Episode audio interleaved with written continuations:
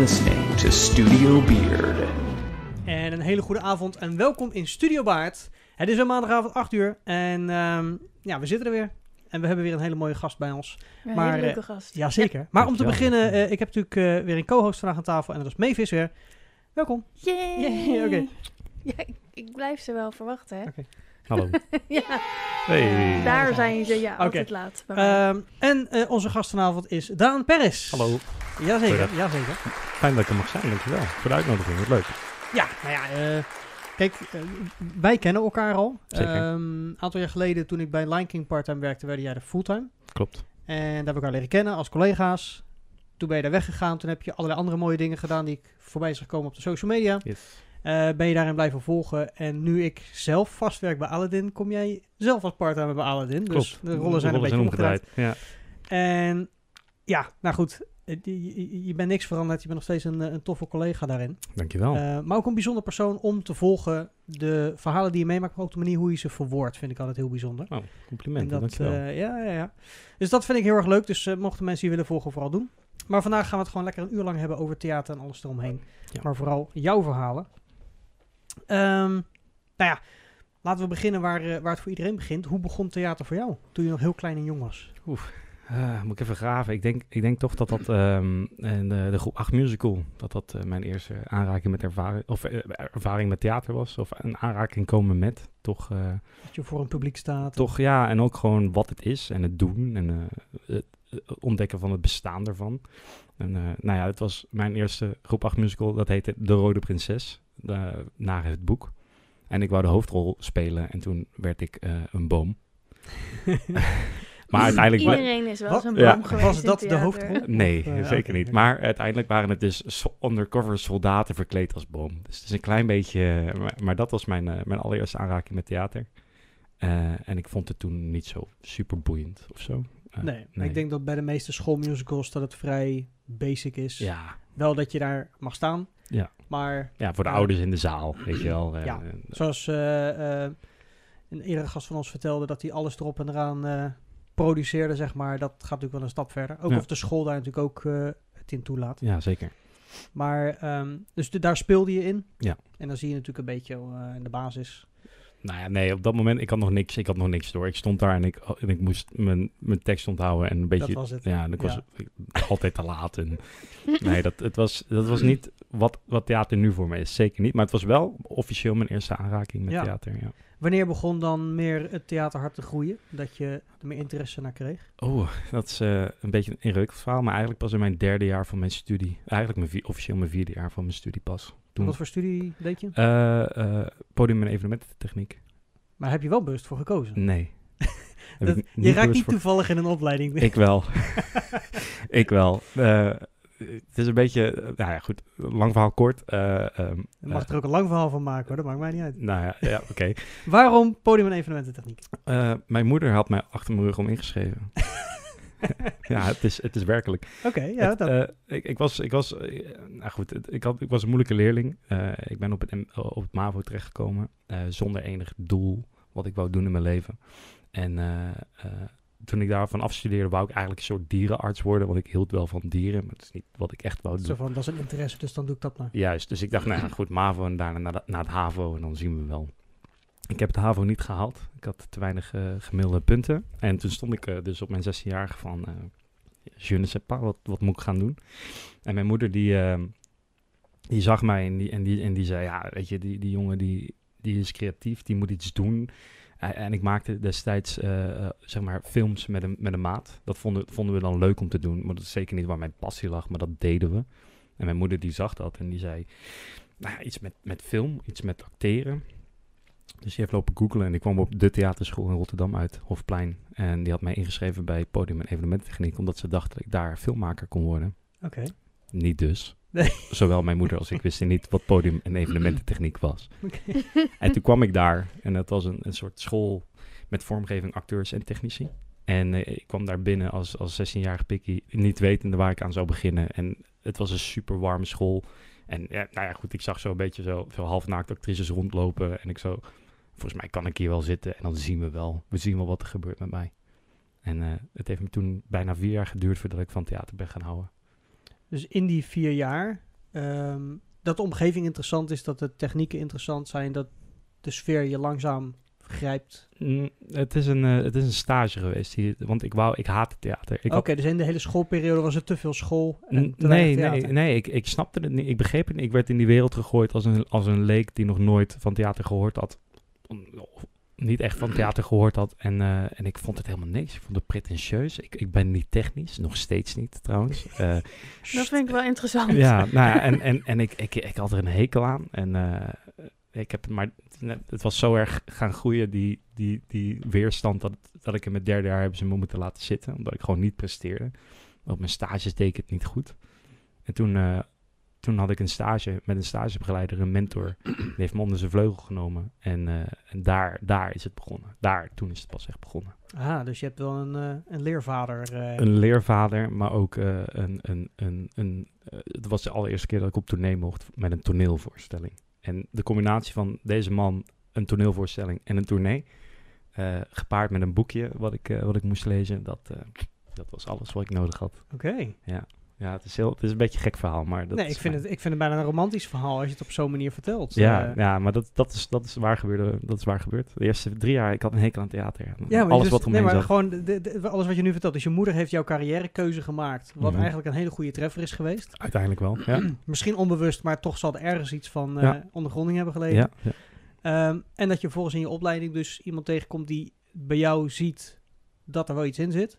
Ja, mij de, de, de, de, de schoonheid en, en het mooie van theater en, mijn, en het vak wat ik dus nu beoefend als een passie heeft laten zien. Van, Mhm. Het is het mooiste wat er is. En Ja. dit is waarom. En dat had ik nodig, kennelijk. Ja. Ja. En waarom denk je dan, als je zelf niet technisch noemt, dat je wel als technicus heel ver komt? Eh, dat is een lastige vraag. Eh, kijk, uiteindelijk pik je wel wat op en kan je wel wat. Ehm, maar voor mij is achter de schermen werken in het theater, dan, hoef je niet, hoef je niet de beste technicus te zijn. Je hoeft niet alles kunnen te solderen of de, de mengtafel merken uit je hoofd te kennen of weten wat een lichttafel inhoudelijk doet. Het gaat om het toepassen van techniek naar theater toe. Als je dat eenmaal kan, dan ben je al 98% van, van, van theatertechnicus zijnde, vind ik. Ja, dus als je oplossingsgericht bent, Ja. dan, dan kom je al heel ver. Ja, het gaat om het toepassen van, en dat kan, weet je, je kan de mooiste theatervoorstellingen maken met een stoel en een, en een, en een peertje erboven en een goede acteur. En dan ben je er ook al. Hoef je echt geen goede technicus voor te zijn om daarmee op tour te gaan. Maar- Dat is denk ik hetgeen wat bij jou het meeste eh, gegroeid is dan. Zeker. eh, dat je die passie begrijpt. Ja. en Ja. daardoor als technicus backstage, of je nou gewoon een stagehand bent of Ja. een lichttechnicus of wat dan ook, Ja, dat je daar ja, eh, het, de mogelijkheid toe het, gaat, het, gaat, het gaat me niet om de techniek, het gaat om de voorstelling. En ik help daaraan mee op mijn manier. En, en uiteindelijk heet dat dan theatertechnicus. Ik noem mezelf ook altijd inspiciënt, want dat Ja. vind ik een mooier woord. Maar Dus eh, het blijft een heel mooi woord. is, eh, en dat is ook wat ik doe. Dat is ook, als je het opzoekt, die definitie, dat is wat ik doe. Ja. Maar eh, Ik wist in het Nederlands toneelknecht. ja, is nee, minder dat mooi, hè? Iets, ja. iets minder is de mooi. geuzennaam. Dus de, ge- het komt van vroeger. Ja, oké. nee, ik- Maar eh, nee, dus dat eigenlijk, eh, om niet technisch te zijn, maar een goede theatertechnicus worden is weten wat theater is. De theater in theatertechnicus is heel belangrijk. Ja. Want eh, ik weet met een hele mooie anekdote, tenminste een van je, van je verhalen over een, eh, een fiets. Of je dan weet wat ik bedoel. Over Eh, creatieve oplossingen gesproken. Oh ja, ja, dat klopt. Ik denk dat ik weet welke je bedoelt, maar ik weet niet zeker. Ja, Ehm, het ding is namelijk, jij rijdt ook motorfiets. correct. Maar in dit geval was er een oplossing nodig binnen de voorstelling. Correct. Ja. Om een stuk, wat was het, een decor te verplaatsen of een touw in ieder geval binnen te halen? Nee, we hadden, we hadden een zwembad op toneel eh, waarin prachtige dans was. Dat was destijds ook bij het Nederlands Danstheater eh, een, een van de mooiste voorstellingen die ik ooit gedaan heb, heb gedaan daar. En we hadden, eh, het waren drie balletten en in het derde ballet zetten we het toneel onder water. En daarin werd gedanst als een soort letterlijk waterballet. En het, het eindbeeld was dat het een, langzaam naar een blackout ging en de acteur, er bleef één acteur over en die, die viel en uiteindelijk werd die weggesleept over het, over het, door het water. Ehm, dus wij moesten daar een oplossing voor verzinnen. En zoals jij misschien weet, misschien jij niet, is dat je officieel mag je mensen niet hijsen met een trekkenwand. Of eh, Zeg maar, er zijn, heel, er zijn wat protocollen met de Ja. hijsen. Of ja, dus men- alle automatisering die in het theater bestaat, Exact. die is daar prima voor geschikt. Ja, maar, dat mag niet, want daar is het niet voor gemaakt. Exact. Juist. En, het- en, en, en nou ja, we hadden een Franse regisseur en in Frankrijk kan alles. Dus hij dacht gewoon, nou, dan maken we wat controle, die gooien we aan een trek en dan go. En wij zeiden, nou, misschien moeten we dat niet doen. Eh, en toen moesten we dus op zoek eh, naar, op zoek naar, eh, naar eh, oplossingen. En dan onze regisseur, die was echt, die is knettergek. Is een, is een van de beste choreografen van de wereld, letterlijk. En maar ja, die, die zegt van ja, anders dan maak je een touwtje aan de genie. En dan ga, ga je met de genie omhoog en dan trek je Zo'n hem daar zo'n liftje is dat. eh. een alplift als het ware. die, die is natuurlijk wel geschikt om mensen te tillen. Tuurlijk, ja, want dan mag het Niet opeens bedoeld wel. om mensen te, Nee, te en toen, slepen, maar en toen kwam een collega inspiciënt, die kwam toen met het idee van... Ja, wat nou als we er een, eh, als we een fiets neerzetten op toneel... eh, en dan halen we het, het achterwiel eruit en dan maken we een touw aan dat achterwiel, aan die as... en dan gaat er een inspiciënt trappen om die... om dat touwtje in Ja. te halen. Maar die, re- die regisseur, of die, eh, die choreograaf, die, ehm, die, die begreep ons verkeerd. En die dacht, die zei bike, like motorcycle. Like, you want to put the motorcycle on the stage? So we put a rope on the motor. En hij was helemaal enthousiast, want hij houdt van dat soort shit. Dat Je bent zijn... wel snel weer binnengehaald. dan, Ja, ja. nou ja, dus hij, dus hij zei, ja, Daan, you ride motorcycle, bring the motorcycle, we put a rope, you go. maar goed, dat, maar dat is dat, dat samen theater maken. En eh, uiteindelijk is het gewoon een punttakel geworden. eh, met, een, eh, met een stage manager op de knop. En, eh, maar we, we hebben echt een dag lang onderzocht van hoe kunnen we dat effect zo mooi mogelijk maken en zo veilig mogelijk. Ja, precies. Maar ik denk dat daar dus het mooie eh, van het theaterpassie naar voren komt. Van iemand die als inspatiënt werkt. Eh, je werkt met zoveel mensen met allemaal verschillende technische ervaringen, maar ook creatieve gedachten. En Zeker, ja. zeker als er dan zo'n regisseur eh, overheen staat, Ja. die natuurlijk alles prachtig vindt. Ja. Dan kom je de meest mooie situaties tegen. Zeker. Dat, is- dat is theater maken, dat is een van de leukste dingen die er is. Op wat voor niveau dan ook. Maar vooral het begin, het maakproces, vind ik echt, dat is genieten voor mij. Ja. Dat is echt fantastisch. En om het, om het daarna dan te laten zien aan mensen door de hele wereld of door het hele land, dat is, eh, dat is, een- dat is een... Maar werk je daar altijd aan mee? Dus bij een productie, eh, net als als kijk, ik ben speler Mm. en voor mij, jij krijgt een script en dat is een beetje wat je moet doen. Werkt dat bij technici ook? Of hebben jullie altijd nog wel een bepaalde vrijheid om Het, het, zelf... het hangt ervan af waar je staat in, in, de, in de hiërarchie, maar ook eh, wat voor regisseur je hebt, wat voor choreograaf je hebt. Je, hebt. je hebt regisseurs in Nederland die zeggen, je blijft van mijn kind af. En als je ook maar iets inbrengt, dan, dan ben je ontslagen. Maar je hebt ook regisseurs die juist heel erg van, kom, iedereen bij elkaar. Zoals Ja. dit voorbeeld met die acteur, hoe gaan we dit doen? Oh, je hebt een fiets, laten we dat proberen. Oh, je wilt het met een takel. Oh, weet je, dus het hangt heel erg van de kapitein op het schip af. Een, een theatervoorstelling is als een schip en de kapitein is de, is, regisseur, weet je, en die bepaalt de koers. Ja. Eh, Ik, ik werk het liefst mee aan voorstellingen en ik denk ook graag mee. En soms moet het ook, omdat niet iedereen begrijpt hoe je iets kan realiseren of hoe je iets veilig kan realiseren. En dan, dan, dan probeer ik altijd wel een mening te, te hebben en daar wordt ook vaak naar geluisterd. Dus ja, maar aan het artistieke gedeelte maak ik niks, nee. Maar om die artistieke dingen duidelijk te maken of, of, of, of Mogelijk, denk ik. reali- te realiseren, inderdaad, daar maak ik wel aan mee. Ja, dat durf ik wel te zeggen. Ja, leuk. Ja, zeker. Dat is het leukste wat er is. Ja, want je, je werkt nu ook bij, eh, eh, bij een producent. Eh, Tenminste, hoe moet ik dat zeggen? Het is het nationaal... ja, nou, ja, kijk, ik ben dus freelance. Eh, Ja. Dus ik werk overal en nergens. Maar op dit moment ben ik op tournee met het Nationaal Theater. Juist. Eh, een grote zaalproductie. Die toert nu eh, door Nederland. En in mijn vrije tijd ben ik ook nog dus met jou eh, bij Aladdin de musical in Scheveningen als, eh als stagehand. Ook inspatiënt. Ja, ja maar grappig nee. dat nou. je in je vrije tijd ook nog dat gaat doen. Ja, ja, dat is een beetje mijn bijbaantje. Het is, eh, zeg maar, werken aan de musicals is voor mij een bijbaan. Het Ja. toeren met toneel, dat is, dat is mijn. Dat is wat ik moet en, en wil Ja. doen. Ehm, dus ja, dat is bij een, bij een, bij een groot reizend gezelschap. En inspiciënt is officieel, als je het opzoekt, eh, eh, officieel een, een, een technicus die reist met een groot gezelschap. Ah, oké. De reizende technicus. Er is wat controversie over, maar er bestaat een klein boekje, dat heet eh, Drie kluiten op een hondje. Oké. Dat is een soort van het woordenboek voor theatertechnici. En daarin staat letterlijk inspiciënt, eh, technicus bij een groot reizend gezelschap. Dat is ook het boekje wat jij kreeg destijds? nee, Dat, dat, is een ander boek. was een ander boek, geschreven door Nico Bovenberg. Dat heet De avonturen van toneelknecht Kees. Oh. Het boek waar mijn passie volledig in beschreven werd. Wat ik toen voelde in die tour, Stond al in dat boek stond toen al in dat boekje. En ik kreeg dat in mijn handen gedrukt. En ik las dat op de zijtonelen tijdens mijn tournee. Nou, dat, dat was precies hoe ik me voelde. Wauw. Ja. Ook de reden waardoor ik ben gaan schrijven is ook dat boekje. Ja, Ja, ik raad het iedereen aan. ik, eh, ja maar ik hoor, ik hoor de passie daar Ja, ja, ik raad, ik, in de ik raad voren het, ik komen. raad het iedereen aan, echt waar. En, ook, en, en het mooiste, het allermooiste eh, aan dat boekje, maar ook aan wat ik, dat is ook de manier waarop ik nu mijn verhalen deel. Is in dat boekje staat eigenlijk kan je dit aan de buurman geven of aan de groenteboer. En daarin staat hoe ons vak werkt. Ja. In een soort van hele simpele taal. Want het is Ja, het is bijna een soort dichtvorm. ehm, Ja, maar ook toegankelijk, want niet iedereen weet wat wij doen. Dat, dat, we zijn eigenlijk Nee. een, een onzichtbaar deeltje van de maatschappij. En eh, nou ja, goed, in dat boekje staat gewoon een, een, een heel romantisch beeld van wat wij doen. En we hebben een heel romantisch beroep. En heel, ook als act- actrice, ook als toneelschrijver, maakt niet uit. Het is, maar het is voor de rest van de wereld zoiets geks. Maar in dat boekje staat echt precies hoe het ervaren wordt, vind ik persoonlijk. Ja, Dus- ja. dus Ja, ik vind het wel grappig, de manier hoe jij dingen verwoordt in, eh, in die anekdotes, in die verhalen die je, die je schrijft. Ehm, althans, degene die je deelt.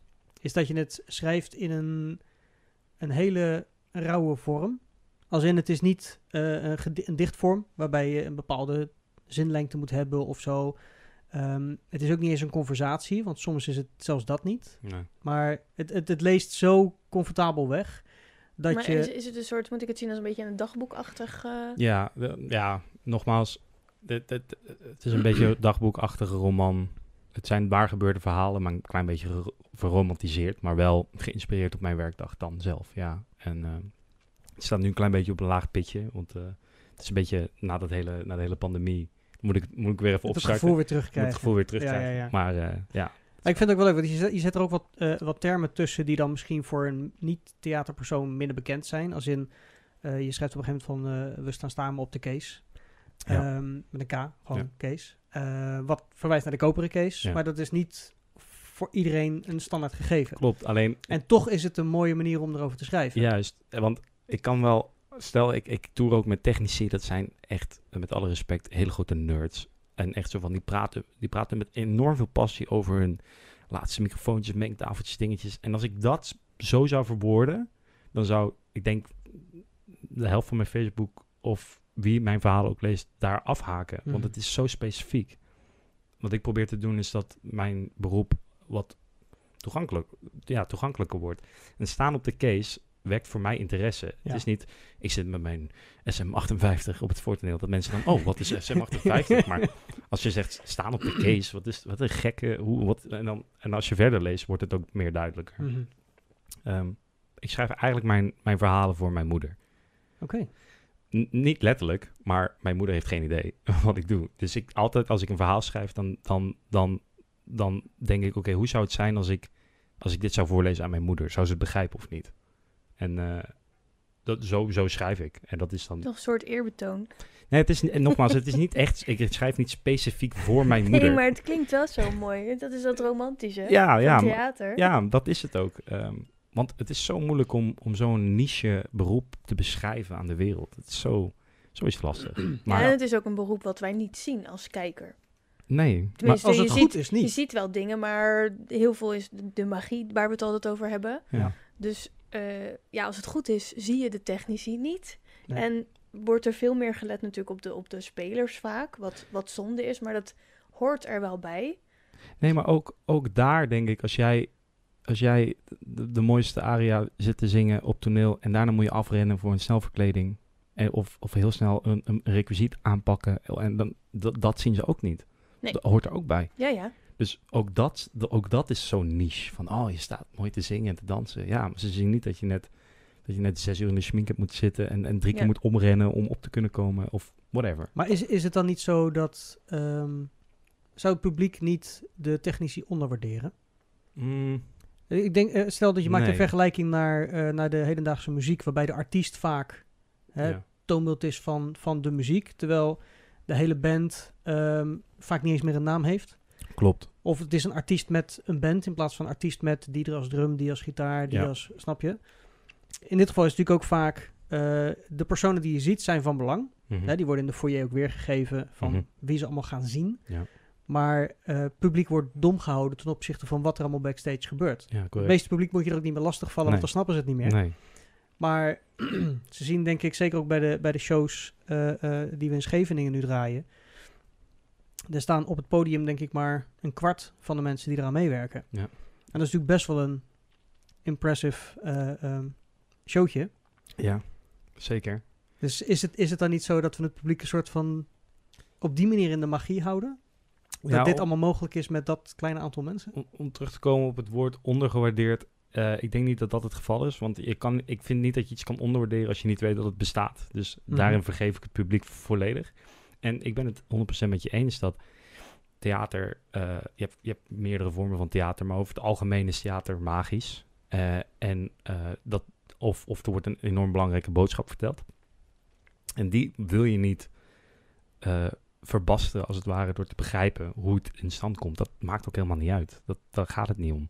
Dus nee, ik vind, niet, ik vind dat niet dat alles eromheen on ondergewaardeerd wordt. Nee. Nee. Nee, ik denk dat dat, dat, dat, dat dat iets weghaalt van die avond. Van wat er ook op wat voor toneel verteld wordt. Of het nou een Aladdin eh, verhaal is of een Shakespeare verhaal. Eh, Oké, maar dan eh, zou dan de techniek moeten afbuigen? Of zou dan niemand moeten afbuigen wat bedoel je met afbuigen? aan het einde van de show?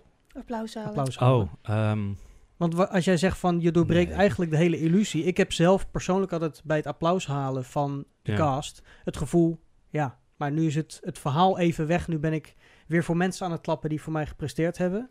Maar ik klap dan niet naar de mensen die backstage ook gepresteerd hebben. Eh, Nou, dat is niet. Dat is, dat, ik, in, het, in, in het toneel heb je heel vaak dat er gebogen wordt en dat er vaak zo en zo. Ja, dat zie je dan niet. Als je, een je gebaar, kan het eh, zien als, als je kijkt. Een gebaar naar voren wijzen en naar de zijkant wijzen. Mhm. Eh, en vaak is dat voor ons of, of voor de mensen achter de schermen. En Mhm. hebben we het ook over regisseurs en toneelschrijvers, maar ook voor techniek en Decor. Alle, ja, maar dat, voor dat, alles. dat is ja. voor alles. Ja, Ja. en vaak wordt dat gedaan eh, zo. En eh, zelfs bij ons, bij Aladdin, hebben we daar een, een momentje van gemaakt met, Ja. eh, met een van de, van de ensembleleden. Ja, met Marnix, die, eh, Ja. die doet dat zeker. Die doet dat. En ja. dan wij wijzen altijd terug.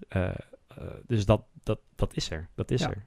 Dat, het- is niet dat het niet gebeurt. Er wordt ook voor ons Nee, geapplaudisseerd. nee, precies. Maar goed, dat, dat- ik vraag me af hoe, hoe, hoe jouw gevoel erbij is op het moment dat dat... ehm, dus als je het publiek dus wel laat klappen voor... eh, de, het- ding is meer ook dat ik ervaar het applaus backstage totaal anders dan als ik op de vloer sta.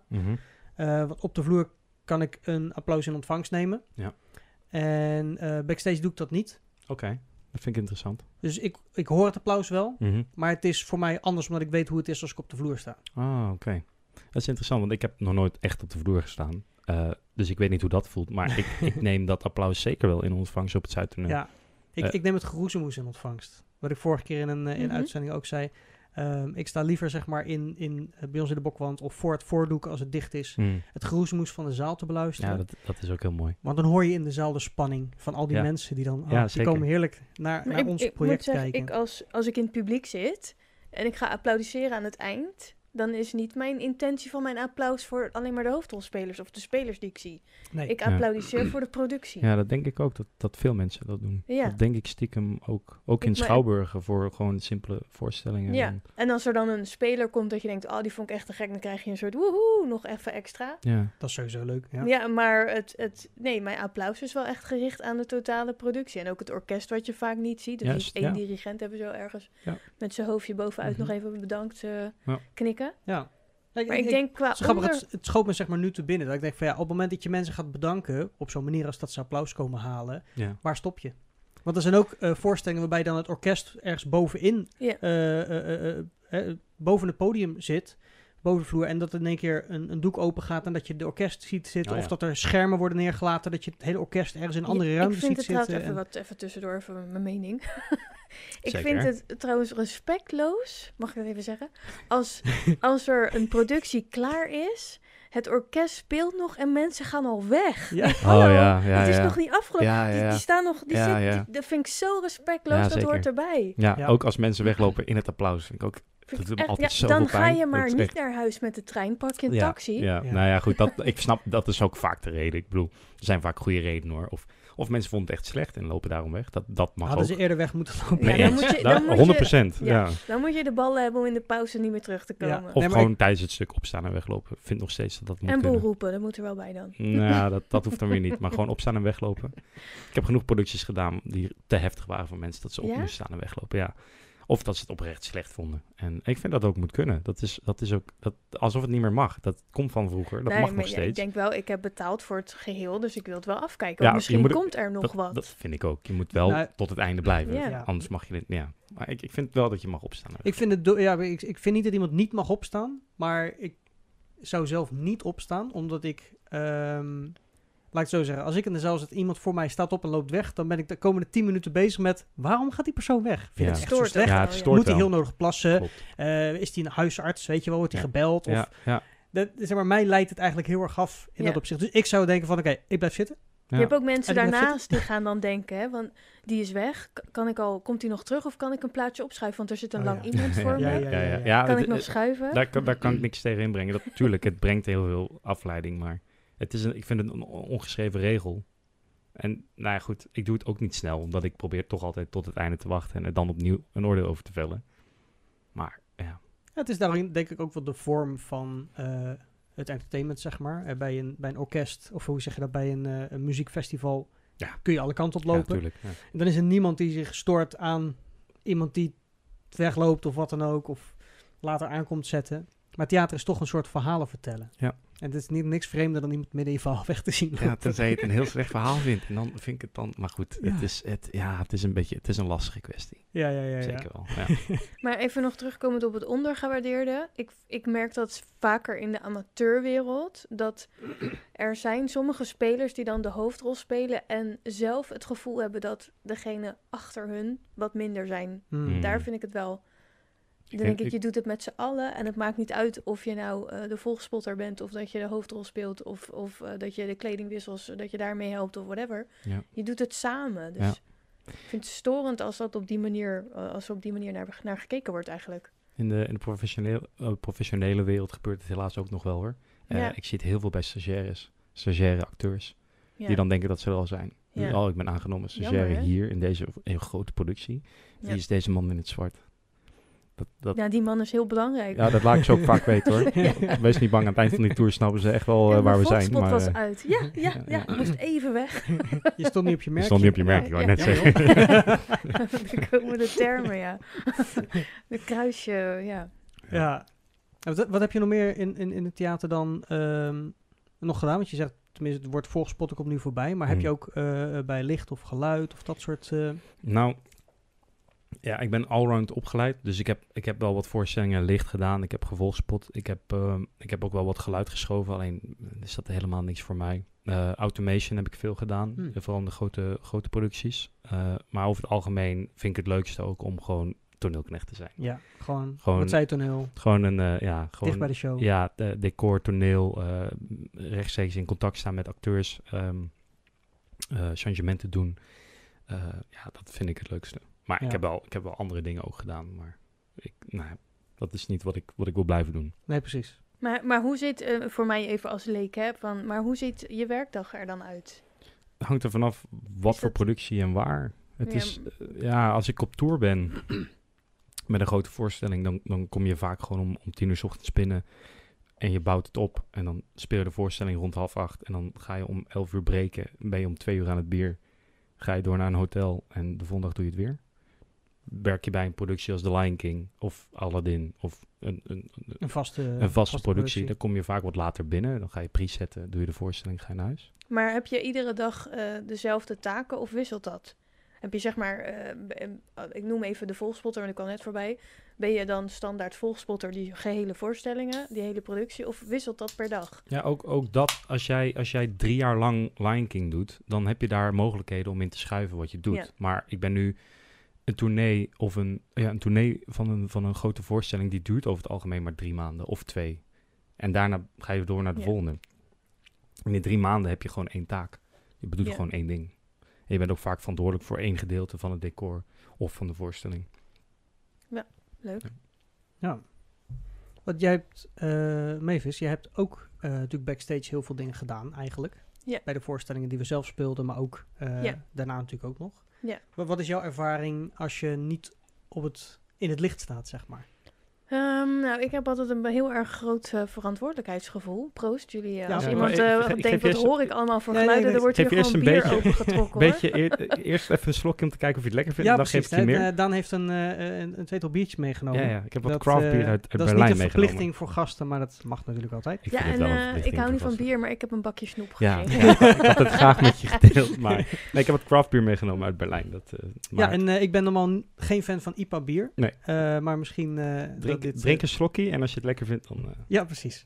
Eh, maar ik zit even te denken. Ja, ja ik, ik heb gewoon een enorm verantwoordelijkheidsgevoel. Dus of ik nou, eh, ja, ook als ik eh onstage ben en een rol speel, dan ben ik ook nog bezig met wat ik allemaal. Als ik iets geks zie liggen op het podium, dan heb ik wel dat ik denk: kan ik dat weghalen? Wat is dat? Eh, dat moet daar weg. Dat is gevaarlijk. Daar kunnen, kan iemand overvallen. Ja. Dus ik ben altijd met alles bezig. Dus achter de schermen. Ik vind het ook heel leuk om verantwoordelijkheid te hebben om op tijd eh, een requisiet ergens neer te leggen. Of, of een decorstuk af te rijden. Of ja, gewoon de. Maar ik ben ook wel iemand die altijd. ehm, hoe, hoe moet je dat zeggen? Ik ben heel erg precies. Mhm. Dus als, als je vandaag tegen mij zegt: hey, wil jij zorgen dat dat daar ligt? Dan doe ik dat morgen ook en de andere dagen ook. Ja, check. Dus ik vind dat ook gewoon leuk. Zo zijn Ja. wij ook een beetje opgevoed eigenlijk bij de, bij de verenigingen. En ja, Omdat je, Ja. je wordt eigenlijk verantwoordelijk gesteld voor je eigen spullen een hele Ja. lange tijd. Ja. En dan, ehm, als je ziet dat anderen om je heen dat niet zo zijn, dan ga je dat soort van nou overcompenseren ja, ja, je bijna. krijgt die Mm. standaardregel natuurlijk om nooit aan andermans spullen. En Mm. nog steeds wordt het gedaan. Ja, Ja. Daar word je helemaal knettergek van. ja. Maar eh, ja, de, nee, ik, vind, ik vind het allemaal. ah, Ik, ik vind achter de schermen ook. Ik vind ik ook leuk. Dat is weer een aparte voorstelling. Ja. Ja. Ook eh, alles gaat volgens eh, de regeltjes. Nou, jullie hadden het net van tevoren even over. Dat als er iets ergens anders staat, dat je dan denkt: eh, waar zitten we nou precies? Ja. Dat toch ook dat. eh, Nou ja, dat, dat merk Ja. ik vooral met, met die, eh, met die lang, langlopende producties. Dat je raakt zo gewend aan... ehm, althans, ik ben zeg maar ook heel visueel ingesteld en ook qua ruimtelijke indeling. Dus als iets niet op zijn plek staat, dan Ja. valt het gelijk op. Juist. Maar als je je houvast hebt aan waar alles staat, dan kan het je ook heel erg uit het moment halen. Ja. En eh, nou, we hebben dan in Scheveningen nu ook weer een paar grote objecten.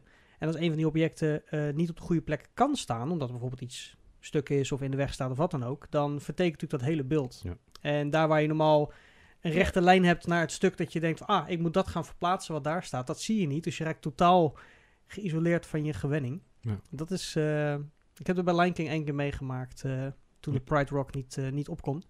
Toen bleef hij backstage staan, in de weg voor alles. Alles. Verkledingen, andere decorstukken. Dat was echt bizar. Ja. Ehm, en dan merk je in één keer hoeveel houvast je ook aan elkaar nog hebt. Want iemand anders heeft daar iets minder last van op dat moment en jij weer op een ander moment. ja. Dat, eh, Ja, ik, ik, heb, ik heb altijd, ik vind altijd het heerlijk om te zeggen dat de mooiste choreografie in het theater gebeurt backstage. Omdat het, het, is, het is een dans die we doen Mm. eigenlijk.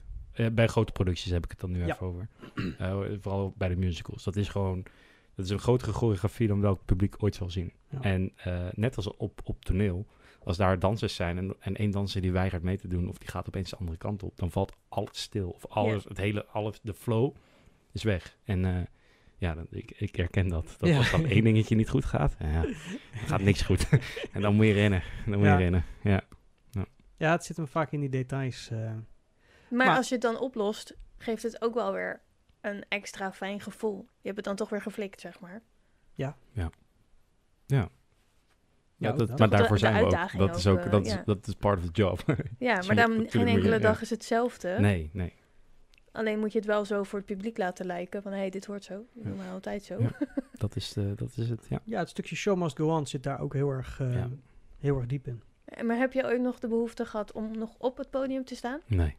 Ik heb er een hekel aan. Echt, Ja. oh man. Ik heb, ik heb laatst, of laatst, toch een paar jaar geleden alweer, moest ik, eh, moesten we eh, als technische ploeg op toneel staan, eh, eh, verkleed. Eh, daar kregen we dan ook extra geld voor, dus weet je, af. Eh, en dat is dan, het was bij toch wel het grootste toneelgezelschap van Nederland. Dus nee zeggen is een optie, maar je moet toch een soort van alles voor de show. Er zit wel wat druk achter, hoor ik. eh, ja. Exact. Eh, en dan moet je dus een soort van, als, we waren het, de achtergrondpubliek voor een feest. En ik vond het verschrikkelijk. Ook open doekjes of open changementen. Dat is echt, ja, dat vind ik wel heel, heel moeilijk. En ik heb het vaak gedaan. Ook gewoon eh, ombouwen waar het publiek nog in de zaal zit of zo. Voor grote decors waar je toch echt wel moet oppassen wat je doet. En, eh, en wetende dat mensen kijken, nou, ik, eh, dat is niet mijn ding. Nee, dat laat ik aan mensen over die dat heel dus goed kunnen. wat Remy net zei, applaus dat de S-patiënten en zo erbij komen staan, zeg jij nee, nee, Nee, liever nee. niet. Al Nee, moet hoor, ik zeggen dat een van mijn kostbaarste herinneringen tot nu toe in mijn hele carrière is dat ik applaus mocht halen bij het Nederlands Danstheater bij die voorstelling met dat zwembad. Mhm. Omdat wij dus, wat ik dus net al zei, we moesten eh, voor, terwijl het publiek bleef zitten, hadden we een kwartier ombouwtijd tussen de balletten. Dus het publiek zag dat. Eh, eh, en dus wou de choreograaf dat wij daar ook voor bedankt mochten worden. Dus dat was dan een gigantisch applaus, altijd uitverkocht.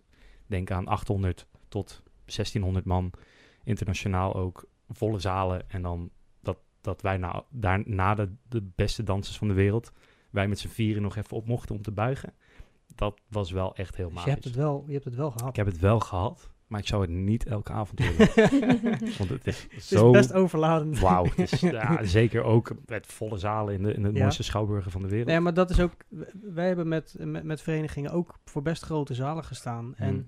eh, het is overweldigend, zo'n applaus. Ja. Ehm, ik had van de week gaf ik het voorbeeld aan iemand dat ehm, Christa, een van de actrices in mijn comedy show, die werd 60 Hm. en haar dochter wilde haar een heel mooi cadeau geven. En wat heeft ze gedaan? Ze heeft de moeder een voorstelling gegeven. Oh, Maar niet zomaar een voorstelling. Een voorstelling waar ze zelf in mee kon spelen. Oh, oké. Dus we hebben een improvisatieshow gedaan voor haar familie en vrienden in een zaal.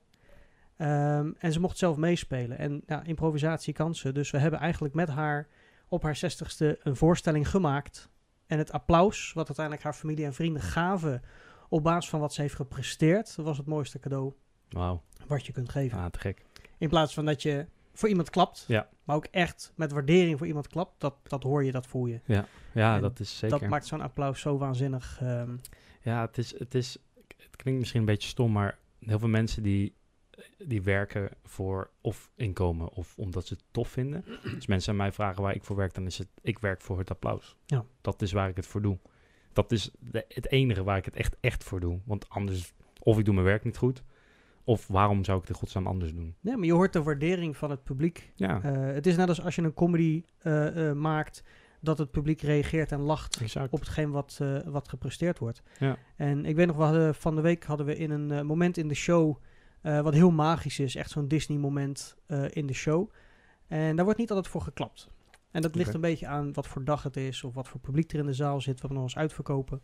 En ehm, er was een show waarbij het magische moment was eigenlijk net geweest. Hm. En toen kwam er toch een applaus. Dus Oké. dat is een soort van gevoel dat het publiek dan een opbouw heeft en dan toch Toch wel, ja. zich uit eh, door, door, door te klappen.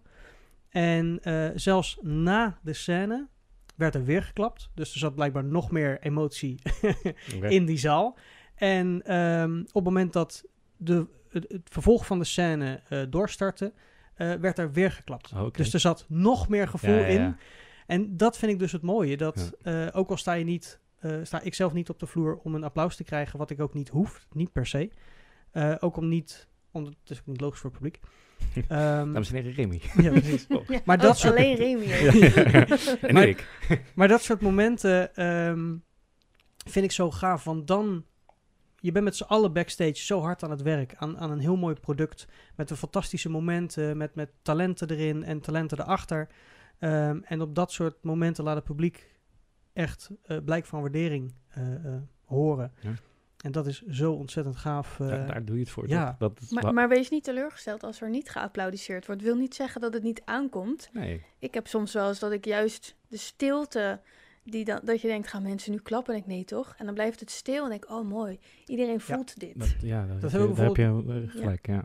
We hebben op eh, woensdagmiddag nog wel eens een matinee. En er zitten er veel meer eh, gezinnen, veel meer kinderen in de zaal. En die zitten met open mond te kijken. Die hoor je Ja. niet. ja. Je hoort ze af en toe lachen Ja. of zo, weet je wel. Maar ja, die, dat, hun reacties niet klappen. Dat, eh dat oerinstinct Met is ingehouden adem kijken. ja. Ja, dat is ook iets heel moois. Ja, Ja. en eh, ja, ik, ik, ik weet, aanstaande woensdag eh, gaan we een heel mooie eh, voorstelling tegemoet. Ja.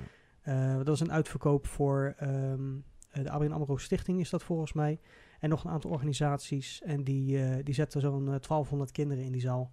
eh, die de kans krijgen om de voorstelling te zien. En het maakt niet uit wat voor shows je geeft. Dat, is, dat vind ik zo mooi. Het is ook voor de eerste keer dat ze naar het theater gaan, toch? Ik Voor die kinderen Ja, is het de eerste kids. keer dat ze naar het theater Ja. gaan. Eh, ook niet alleen vanwege de kosten van theaters, maar ook natuurlijk omdat niet iedereen dat uit zichzelf zomaar opzoekt Ja. en doet. Eh, dus dat gaat een waanzinnige eh, eh, show worden. Niet alleen voor ons, maar ook voor hun. Ik vind het heel jammer dat ik daar niet bij ben. Ja, Ik sta dan in Rotterdam, ook leuk, maar ja, ja, heel jammer. Die, die, die zou ik wel willen meemaken. Dat wordt, wel mo- dat wordt een mooi applaus. ja. Maar dat, dat soort, dat soort eh, eh, piekjes zijn zeg maar extra mooi. Ehm, maar maakt het beroep ook zo mooi. Want wat, wat die kinderen eh, op een andere manier uiten, dat ervaren de volwassenen net zo goed. in wat voor voorstelling je ook, ook neer weet te zetten. Ja. Want ga je zelf ook wel eens naar het theater toe? Ja, te weinig de laatste tijd. En Ja. zeker nu met het hele COVID-gebeuren is het natuurlijk extra moeilijk geweest. Maar ik ga heel graag naar theater. Heel graag naar toneel en dans.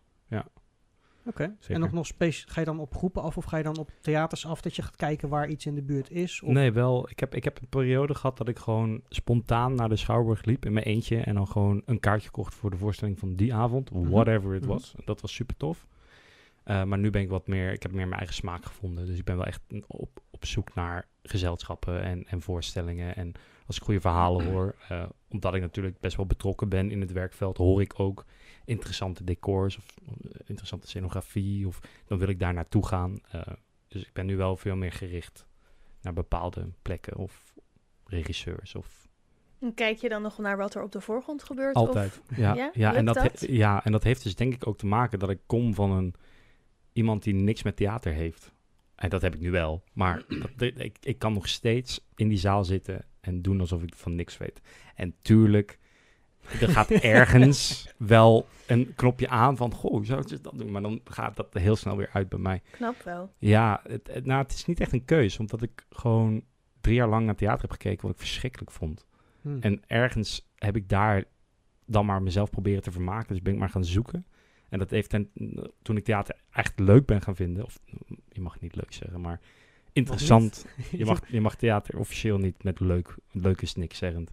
Negeer me. Oké, Dat oké, is- dat is goed. dat is ook, dat is ook mijn. eh, maar toen ik theater op- oprecht interessant ben gaan vinden, toen ben ik ook echt gaan zoeken. En toen heb ik die klik weer gevonden van, goh, wat, wat, waar, waar ben ik nou naar aan het kijken? En waarom doet het mij iets? En waarom Ja. niet? En dat, dat, dat, dan ga ik niet naar de techniek kijken. Dan ben ik gewoon gera- geraakt door wat jij zegt, het verhaal. Dan wordt er een verhaal verteld. Daar Ja. luister ik dan naar. Nou, ik denk dat het ook wel wat te maken heeft dat je de juiste voorstellingen weet te vinden om naar te kijken. Juist. Want Ja. ik heb ook voorstellingen gehad. Ik bedoel, Ik, ze heb zelfs, eh, eh, wat ik zeg, dat in, in muziek hoor ik de teksten normaal niet. Hm. Dus dan luister ik te veel naar de muziek. Hm. Maar als het goed op elkaar aansluit, dan zonder moeite kan ik gewoon de teksten volgen. Ja. En eh, dat is met, met, met techniek en met acteren hetzelfde. Als er goed wordt geacteerd en het verhaal is goed geschreven, goed eh, gebracht, ja, dan raak ik ook niet afgeleid. ja, precies. Maar op het moment dat iets saai wordt of Ja, dat, je ja. verliest je focus, Ja, dat is wel, dat is trouwens, daar heb je me wel een klein beetje als ik me verveel. Dus als ik, als ik, een, als ik een voorstelling heb overschat en ik ga zitten en ik verveel me een beetje, dan ga ik toch een klein beetje zo naar boven kijken van, nou ja, oké, oké, oké, terug, terug. Ah, toch wel. ja, Dus ja, Ik ja. snap dat wel, ja, Ja, zeker. Nou, wat ik zeg, als ik iemand uit de zaal zie, zou zien weglopen, ligt het aan de voorstelling hoe lang ik daarmee bezig ben. ja, Om me af te vragen wat er aan de hand is. ja, Maar eh, nee, dat is. ja, correct. Hoe is je biertje eigenlijk? Vind je hem lekker? Ehm, ik vind het een hele bloemige smaak hebben. Oh, ja? Ehm, maar toch is de nasmaak niet mijn favoriet. ja, dat dacht ik al. Maar de smaak zelf eh, waardeer ik wel. Cheers. Ja. Alright, cool. Dus ik heb toch maar bijgeschonken. Fijn, heel goed. Ehm Daan, wat, wat, wat wil je allemaal nog gaan doen in theaters? oh, dat is, dat is niet het goed moment om dat aan mij te vragen. En toch doen we het.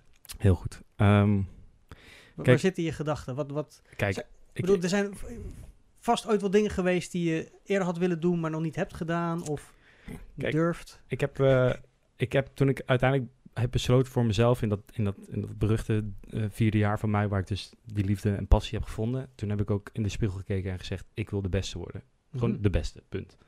En eh, om dat te doen, moet je bij hele goede plekken werken. Dus ik heb een lijst gemaakt met, met gezelschappen waar ik voor wil werken, ooit. En al- ik heb al die gezelschappen heb ik gemaild met, hallo, ik ben Daan, je kent me niet, maar ik wil de beste worden en ik wil voor jou één, één tour doen.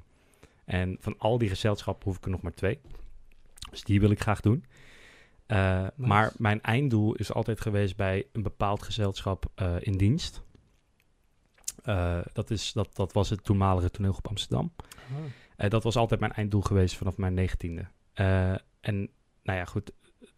Toneelgroep Amsterdam staat er een beetje onbekend dat je daar niet zo makkelijk binnenkomt. Je moet daar wel van goede huizen Je moet komen. wel de beste zijn. Je moet wel de beste zijn. Dan mail je ook terug, je hebt wel twee tours te gaan dan. Precies. Dus ik heb, ik, heb, ik heb eigenlijk soort van tien jaar lang gewerkt om goed te worden. En toen eh, is het me in, eh, op 1 januari 2019 eindelijk gelukt. Toen ben ik eh, aangenomen bij Toneel Amsterdam. En toen brak in maart de pandemie uit. En toen hadden ze me helaas moeten laten gaan. Eh, dus het is een beetje... waarom, ik, waarom ik zeg dat het lastig is, is omdat ik... Ik heb dat doel behaald. En, Maar niet uitgevoerd. maar niet uitgevoerd. ja. En, en nu ben ik soort van... Weer verder? Of, of Nee. niet eens? Nee. ja. Nee, en nu, ik bedoel, ik weet niet waar ik naartoe wil. Dus ik, ik doe nu eigenlijk gewoon alles wat ik... Maar jij kan. zei, ik wil de beste worden. Ik wil de Ja. beste. Ben je daar al op dat punt? Nee, zeker niet. Nog lang niet? Nog lang niet. Wat nee, moet je er nog voor doen? weet ik eigenlijk niet zo goed, om eerlijk te zijn. Want, eh, nou ja, ik, nee, ik, ik denk dat... ehm, nou, het, het, het, het is een beetje, het is een beetje een ab, ab, ab- abstract concept. Wat betekent het om de beste te zijn? Weet je wel? Ja. Wat, wat, wat is dat nou eigenlijk? Dus misschien moet ik eerst die definitie vinden en dan komen we daarop terug. Ja, maar als je terugkijkt op wat je al wel hebt gedaan, denk je dan wel van ja, ik ben echt wel al stukken beter geworden dan ik was? Zeker, ja. Nee, ik ben ontzettend gegroeid als, als, als inspiciënt. En ik kan ook echt wel wat, maar ja, ik ben nu gewoon eigenlijk gewoon aan het genieten van wat ik doe. En Ja. ik zie wel waar ik terecht kom. En ik ben nu ook gekke dingen aan het doen, zoals op tour gaan en dan op mijn vrijdagen met deze man een musical doen. Weet je, gewoon omdat het kan. Ik heb, dat, ik heb die deuren nu voor mijzelf opengezet. Ik kan nu wel met een cv zwaaien en zeggen, oké, ik wil hier graag naar binnen. En dan zeggen ze, oké, weet je, dat, dat kan wel. Ja. En dat is heerlijk. Want daardoor, Toch wat meer vrijheid. ja, die vrijheid die heb ik nu. Ja. Ik, ik kan wel makkelijker ergens binnenkomen nu. En ik zie wel waar, het- waar het me leidt. Ik heb eigenlijk geen idee. Dus heb je nu een beetje de luxe dat je zelf kan kiezen ook van wat, wat lijkt me echt super tof Ja. en daar ga ik me op focussen? Ja, dat is ook waarom ik dus nu Aladdin doe. Is omdat ik, ik wil gewoon weten hoe bepaalde dingen werken. En dan kan ik wel naar die voorstelling gaan kijken. En dan Ja. kan ik wel mijn vriendjes opbellen. Kan ik even achterkijken. Kan het ook een keer vastleggen. Ja. Dus dan kies ik daarvoor. Ja. Dus nee, wat ik wil doen, die andere twee gezelschapjes nog. eh, dat gaat ook wel lukken. En dan praten we over een jaar nog een keer verder. Ja. Ik weet het niet. Ik heb geen Kom je idee. hier je medaille ophalen, de beste. Nee, ja, ik, ik denk niet. Ik denk dat dat gewoon, dat was een jongensdroom toen ik eh 19 was. En, nee, maar ik eh, vind het wel een mooi streven. Dat, eh, ik ben zelf bij het theater eh, eigenlijk in dienst gegaan omdat ik zei dat ik alles kan. Eh, maar wat ik er eigenlijk mee zeg is dat ik overal best wel goed in ben. mhm. Maar ik ben nergens de beste in. En dat vind ik ook oké, want ik wil juist veelzijdig zijn en veelzijdig blijven. Ja. Wel verbeteren, maar ik wil niet overal professioneel eh, niveau inhalen. Mm, Want dat betekent als je ergens professioneel in wordt, dat je andere dingen moet laten varen, want daar ben je dan niet goed genoeg meer in. juist. Dus ik ben zeg maar overal goed in, Ja. maar niet En overal de, De beste, beste, ja. En het leuke daarvan dat ik ook altijd van anderen wil blijven leren. Dus daarin geef je natuurlijk ook toe dat je niet de beste bent. Ehm, Zeker. maar het streven om de beste te worden vind ik eigenlijk wel heel mooi. Ehm, en dat je daar ook een lijstje aan koppelt wat voor jou Ja, een soort, ja. ja, hoe zeg je dat? Een, een leidraad is om Ja. dat te behalen. Nou ja, het is vooral wat jij zegt is, is, is, is key. Omdat ehm, leren van mensen om je heen die beter zijn, is voor mij al tien jaar lang de leerles. En dat lijstje is ook gebaseerd daarop. Juist. Weet je, ik, ga mij ook, ik wil me ook alleen maar omgeven door mensen die beter zijn dan ik, zodat ik iets kan leren. Ja. Ehm, Heb je, heb je een voorbeeld, een groot voorbeeld, iemand die jij als voorbeeld beschouwt? oh. Eh, Dat je denkt, dat is wel één, nou ja, nee, dat is omdat wel één van de beste. hoe ik, hoe ik kijk naar het werkveld en het theater is waar worden de mooiste voorstellingen gemaakt en wie is daar de eerste inspiciënt. En dan maakt het me niet uit wie het is, maar dan wil ik daar een tour doen en dan kijk ik waarom hij of zij eh, dat doet en hoe ze dat doet. Dat, dat is, Ja. En dan maakt het niet uit wie het is, maar bij, bij deze gezelschappen worden in mijn ogen de, de, de grootste en de mooiste voorstellingen gemaakt. Wie is daar het kapitein op, op, op technisch schip? Hm. En hoe doet diegene dat? Ja. Dus die jonger, ouder, man, vrouw, maakt me allemaal niet uit wie het is. En daar wil ik naast staan als tweede inspiciënt. Gewoon Ja. zij aan zij op het zijtoneel kijken en dan even een beetje zo spieken van... Hoe doe jij dat dan? En ah, oké. Of hoe die... Zo wil ik het echt niet doen. Dat is ook iets wat ik, wat ik kan leren. Ja, je ook tegen. zo, Kan ook zo moet het ja. niet. Ja, heb ik ook geleerd. Zeker. Dat ik gezelschappen heel hoog heb zitten. ja. En dat de eerste inspiciënt, dat ik denk, holy shit. Dit ga ik nooit doen. Weet je? Dat is ook leerzaam. Nou, dat, is natuurlijk, dat is ook de manier om, om beter te worden. Ja. Is inderdaad niet alleen van mensen leren van waar ze goed in zijn, maar ook van mensen leren door je eigen interpretatie van Ja. waar ze minder goed in zijn. Ja, het is ja, de beste eerste inspiciënt dan. Hoe ik er kom. Ik hou jullie op de hoogte. Ik heb, ik heb, ik heb nog geen idee.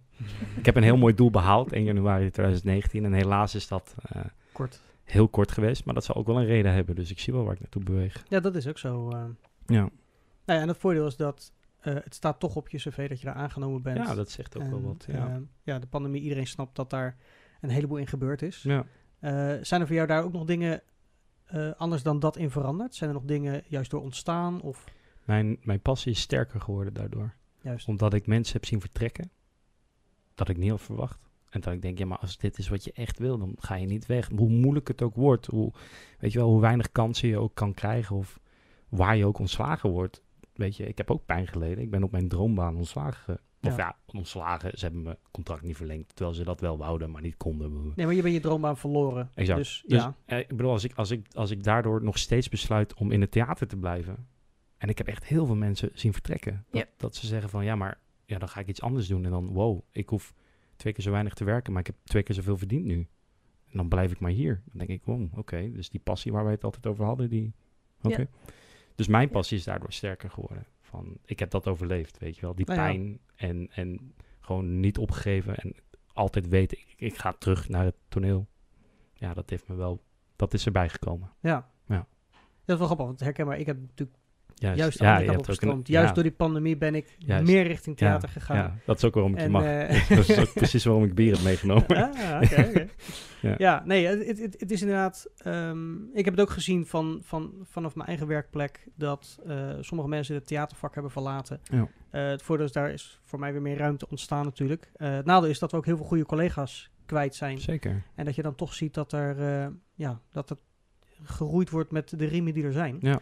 Ehm, Maar ook, laat ik ook gelijk zeggen, niets mis mee is. nee, helemaal niet. Als jij besluit om weg te gaan uit het theater, is dat volledig, ik snap dat. Ja, maar dat is het leuke. Dat op het moment dat iemand. eh, en dat vind ik het voordeel van, van zoiets als een pandemie. Wat eigenlijk heel bijzonder is dat we het mee kunnen maken. Mm. Want het is niet iets wat je, wat je afroept of wat je organiseert. Nee. Het overkomt eh, in dit geval de wereld. Ja. Maar het veroorzaakt zoveel. eh, ja, een soort reset. Een soort nieuwe start voor heel veel dingen. Ja. Omdat alles heel even stil ligt, pak je geen dingen meer op die je niet meer op wil pakken. Ja. En dat zie je hier dus ook. Dat Zeker. en het gaat er niet om dat ze niet dezelfde passie hebben. Zo voelt het soms wel. En bij sommige mensen vergis je dan misschien in. Ehm, maar net als dat wij iets ontdekken aan onszelf, ontdekken andere mensen ook iets aan zichzelf. Mhm. En kunnen ze misschien een kant op die nog beter bij Ja. hun past of er iets nieuws is. Nee, en dat is ook, dat, dat begrijp me dus alsjeblieft niet verkeerd dat ik daarop neerkijk. Of dat ik denk, wat, eh, wat is dit voor prutser? Helemaal niet. Nee, nee, maar eerder dat je denk ik ook in, in de personen zelf Ja, ja. vergist had. Dat je denkt, oh, Nou ja, of, of ja, ja, misschien wel. Misschien wel. Ja, ja. Maar ik kijk er niet, ik vind het, ik, ik snap die keuze en dat is helemaal niet, ik, ik kijk daar niet op neer. Ik, ik, en als zij daardoor gelukkiger worden, dan wil ik dat alleen maar met hun vieren, weet je wel. Nee, ik denk dat de, de lockdowns en zo voor heel veel mensen een soort eye-opener zijn geweest van wat, wat is nou echt mijn interesse en Juist. wat wil ik nou echt doen. Ja. Dus ja, voor sommigen is inderdaad de passie bleek achteraf helemaal niet de grootste passie te zijn. Mhm. En voor anderen inderdaad weer wel. Van, Ja. ja. Maar dit, ik wil dit niet loslaten. Dit is echt wat ik wil. Ja. Zeker.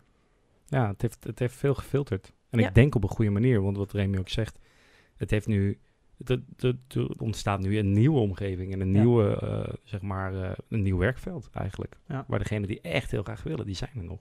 Maar hoe, hoe denk je dat we het kunnen eh, stimuleren voor schoolverlaters of mensen die een, een, een opleidingsrichting moeten kiezen?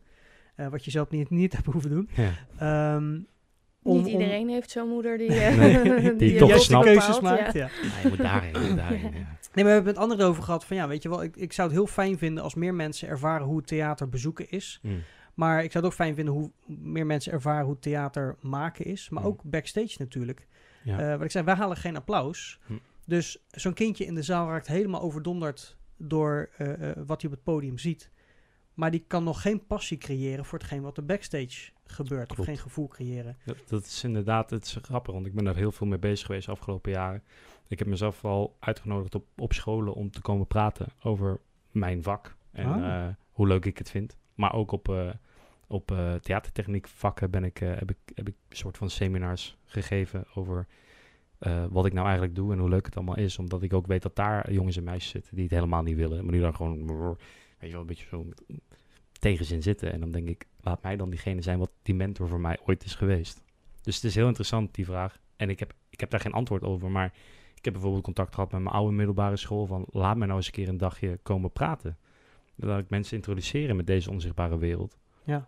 Ehm, en ik heb eigenlijk geen idee hoe mensen het vak inrollen. Ik bedoel, jij bent erin gerold en jij, jij speelt en denkt... ik wil eigenlijk ook wel graag gewoon dingen neerzetten... en dingen precies doen, wat jij net zei. Misschien rol je daardoor uiteindelijk wel in een soort stage manager functie, weet ik veel. Maar ja, hoe, hoe mensen vanaf de middelbare school het vak inrollen... ik weet het niet. En hoe we dat kunnen doen... Nou ja, nogmaals, ik nodig mezelf vaak uit. Ik zeg, laat mij gewoon... Hebben jullie niet van die studieloopbaanbegeleiding dagen? Laat mij dan een keer praten, weet je wel? Nou ja, ik, ik denk dat dat een heel mooi onderdeel is. En dat doe je dus eigenlijk al. Ik probeer het, ja. Ja, nee, ik zeg niet dat je elke dag ergens een seminar mag geven, maar... Nee. ehm, zou wel leuk zijn. Althans niet mag, maar niet kan. Ja. Eh, eh, nog geen uitnodiging hebt gehad. Ja. Eh, maar ik vind het wel heel mooi dat je inderdaad... Dat, dat we als, als backstage mensen, dat we als creative team, zeg maar, ook ehm, aan de wereld kunnen laten horen wat we doen. En dat doen we eigenlijk, jij doet het ook op je, op je social media. Is mensen die jou volgen en dan misschien jou gewoon uit, vanuit familie of andere omgevingen kennen, Hm. eh, dan toch dat stukje gevoel meekrijgen van ja. wat het wel niet kan betekenen en, en hoeveel het voor je doet. Ja, ik denk dat dat wel. Ja, ik probeer dat, ik probeer dat te doen omdat ik. Kijk, ik kom van dus die plek dat ik. Ik ben als het ware ook gered door één iemand. Weet je wel, die. Mijn stagebegeleider destijds. Die heeft, mij, die heeft ervoor gezorgd dat ik dit nu doe. En ik ben altijd zo iemand van. Als ik zo een geschenk heb gekregen, wil ik het ook teruggeven. Dus ik probeer dat met behulp van verhalen of seminars die ik soms geef. Probeer ik dat te doen. Maar ja, uiteindelijk. Als, het- ja, ik weet het niet. Als het er niet is, kan je het er ook niet uittrekken, weet je. Dan, maar soms, dan, ik hoef voor maar één iemand, net als dat wij die voorstelling doen, als iedereen in de hele zaal Aladdin kut zou vinden, maar er zou één meisje helemaal betoverd worden, daar doen we het voor, toch? Ja. Of jij zou toch, als je speelt en er hoeft maar één iemand denken, god, dat wil ik ook, ik wil Ja. ook op dat toneel staan. Ja. Daar doen we het voor. Ja. Dus ik probeer, dit blijf gewoon dingen doen. Ik hoef maar één iemand te hebben en dan, eh, dan is het goed. Ja. Ja, dat is eigenlijk heel mooi gezegd, want dat is gewoon waar het hele eh, beroep om gaat. Het is natuurlijk entertainment. eh met escape rooms doe je feitelijk hetzelfde. Je geeft mensen een beleving, een Ja. gevoel, Hmm. een, een, een ervaring die ze zelf niet kunnen creëren. En in het theater Ja. doen we hetzelfde. We maken het onmogelijke mogelijk. Ja. En, en presenteren ze dat eigenlijk in, in de meest verrassende vorm. We laten niet zien hoe het allemaal gebeurt. Maar dat is ook, dat, dat is ook niet no- nodig, zeg maar. Want dan, het gaat juist om de, de, in, ja, gewoon de beleving die mensen hebben. En of dat nou in theater is of inderdaad een escape room die wij maken, eh, experience eigenlijk.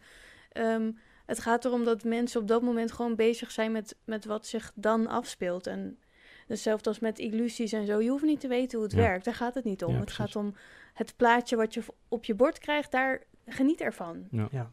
Dus zoals met theater natuurlijk net zo. Geniet ervan wat je ziet. Ja. Probeer niet te veel verder te denken. Dat lukt niet. Bij mij in ieder geval niet. Ik ga altijd kijken wat ik aan de zijkant zie en of ik eh, foutjes kan eh, ontdekken. Ja, ja, ja. Terwijl ik aan de andere kant denk, ah, vroeger als kind had ik echt die, wauw, ik zit er helemaal in. Eh, maar ja, het blijft toch, ja, waar we elke keer over hebben, die magie. Mhm. Dat wil je mensen meegeven. Ja. En als er, er inderdaad maar één is die helemaal betoverd is die avond, nou fijn, Ja. is toch weer één. En, en als er één jongen of meisje zit tussen de 12 of de 15 die denkt: Goh, ik ben wel benieuwd hoe het backstage zou gaan.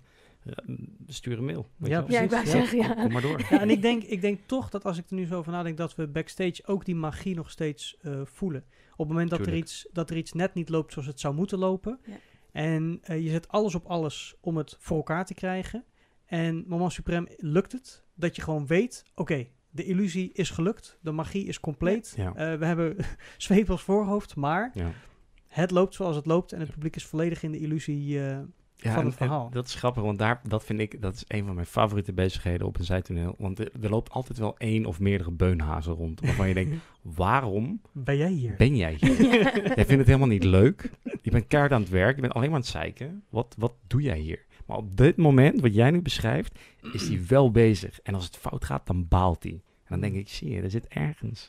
Er is iets magisch wat we aan het doen zijn. En dat Ja. voel jij ook. Want anders Ja. doe je het niet. Anders laat je het gewoon vallen. Dan loop je gewoon het toneel op. Steek je middelvinger op en loop je Ja. weg. Maar dat nee, doe je niet. Maar je zei het vlak voor de uitzending, zei je net dat eh, in theater is een bepaald type mens. Ja, en allemaal. er zijn heel veel variaties natuurlijk, maar het zijn allemaal mensen die een bepaalde, ik denk een bepaalde passie vormen voor dat theater. Wat je zegt, de ene die wil heel graag op het podium of Mhm. op de vloer, de andere die wil heel graag backstage, de andere die wil het liefst alleen maar iets doen als het echt misgaat. Ja, ja, ja, ja. Maar goed, je bent er wel. Ja. Maar Zijn theatertechnici ook bepaalde type mensen? Zeker. Ja, je kan, niet, je kan sowieso niet groepen over één kam scheren. Maar Nee. ja, ik vind theatertechnici... Maar heb je als iemand die aankomt dat, die zegt ik wil, eh, ik, ik wil eh, dat ook gaan doen, zeg Mhm. maar. En dat je denkt, nou, dat, nee, dat is niet jouw ding.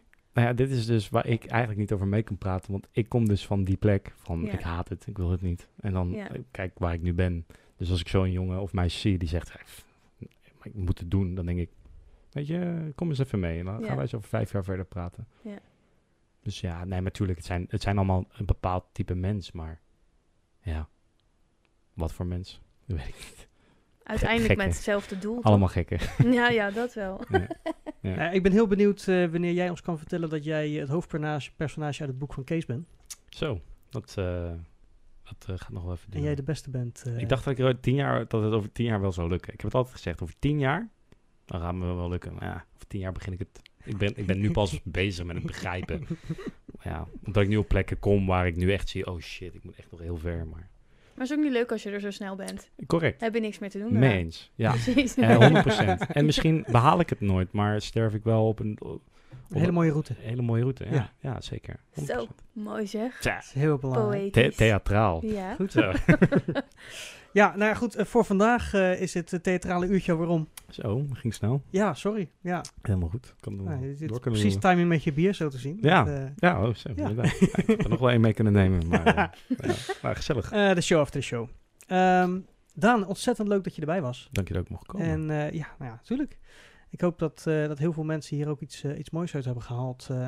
Eh uit Ja. je passionele verhaal. En mochten ze je nodig hebben. Bel, eh, sms, eh, mail. eh, ik heb het heel vaak dat, ik, dat als mensen interesse tonen, dat ik denk, kom gewoon een dagje meelopen. Ja. Sta een keer met mij op het Zuidtoneel. Het is geen probleem. Waarom? waarom? Het is het leukste wat er is. Gewoon, Waar kan ik me inschrijven? je hebt me, ik zal je zo mijn Facebook geven. Dan, eh, kom een keer mee. Komt helemaal We goed. doen mooie dingen. Mavis, jij natuurlijk ook bedankt Ja, vandaag. super Graag bedankt. gedaan. voor graag gedaan, eh, graag gedaan. de goede vragen en, eh, en de tijd aan tafel. En eh, ik zou zeggen, eh, bedankt voor het luisteren, voor het kijken van onze luisteraars en kijkers. En tot de volgende week. Het. Thank you for listening to Studio Beard.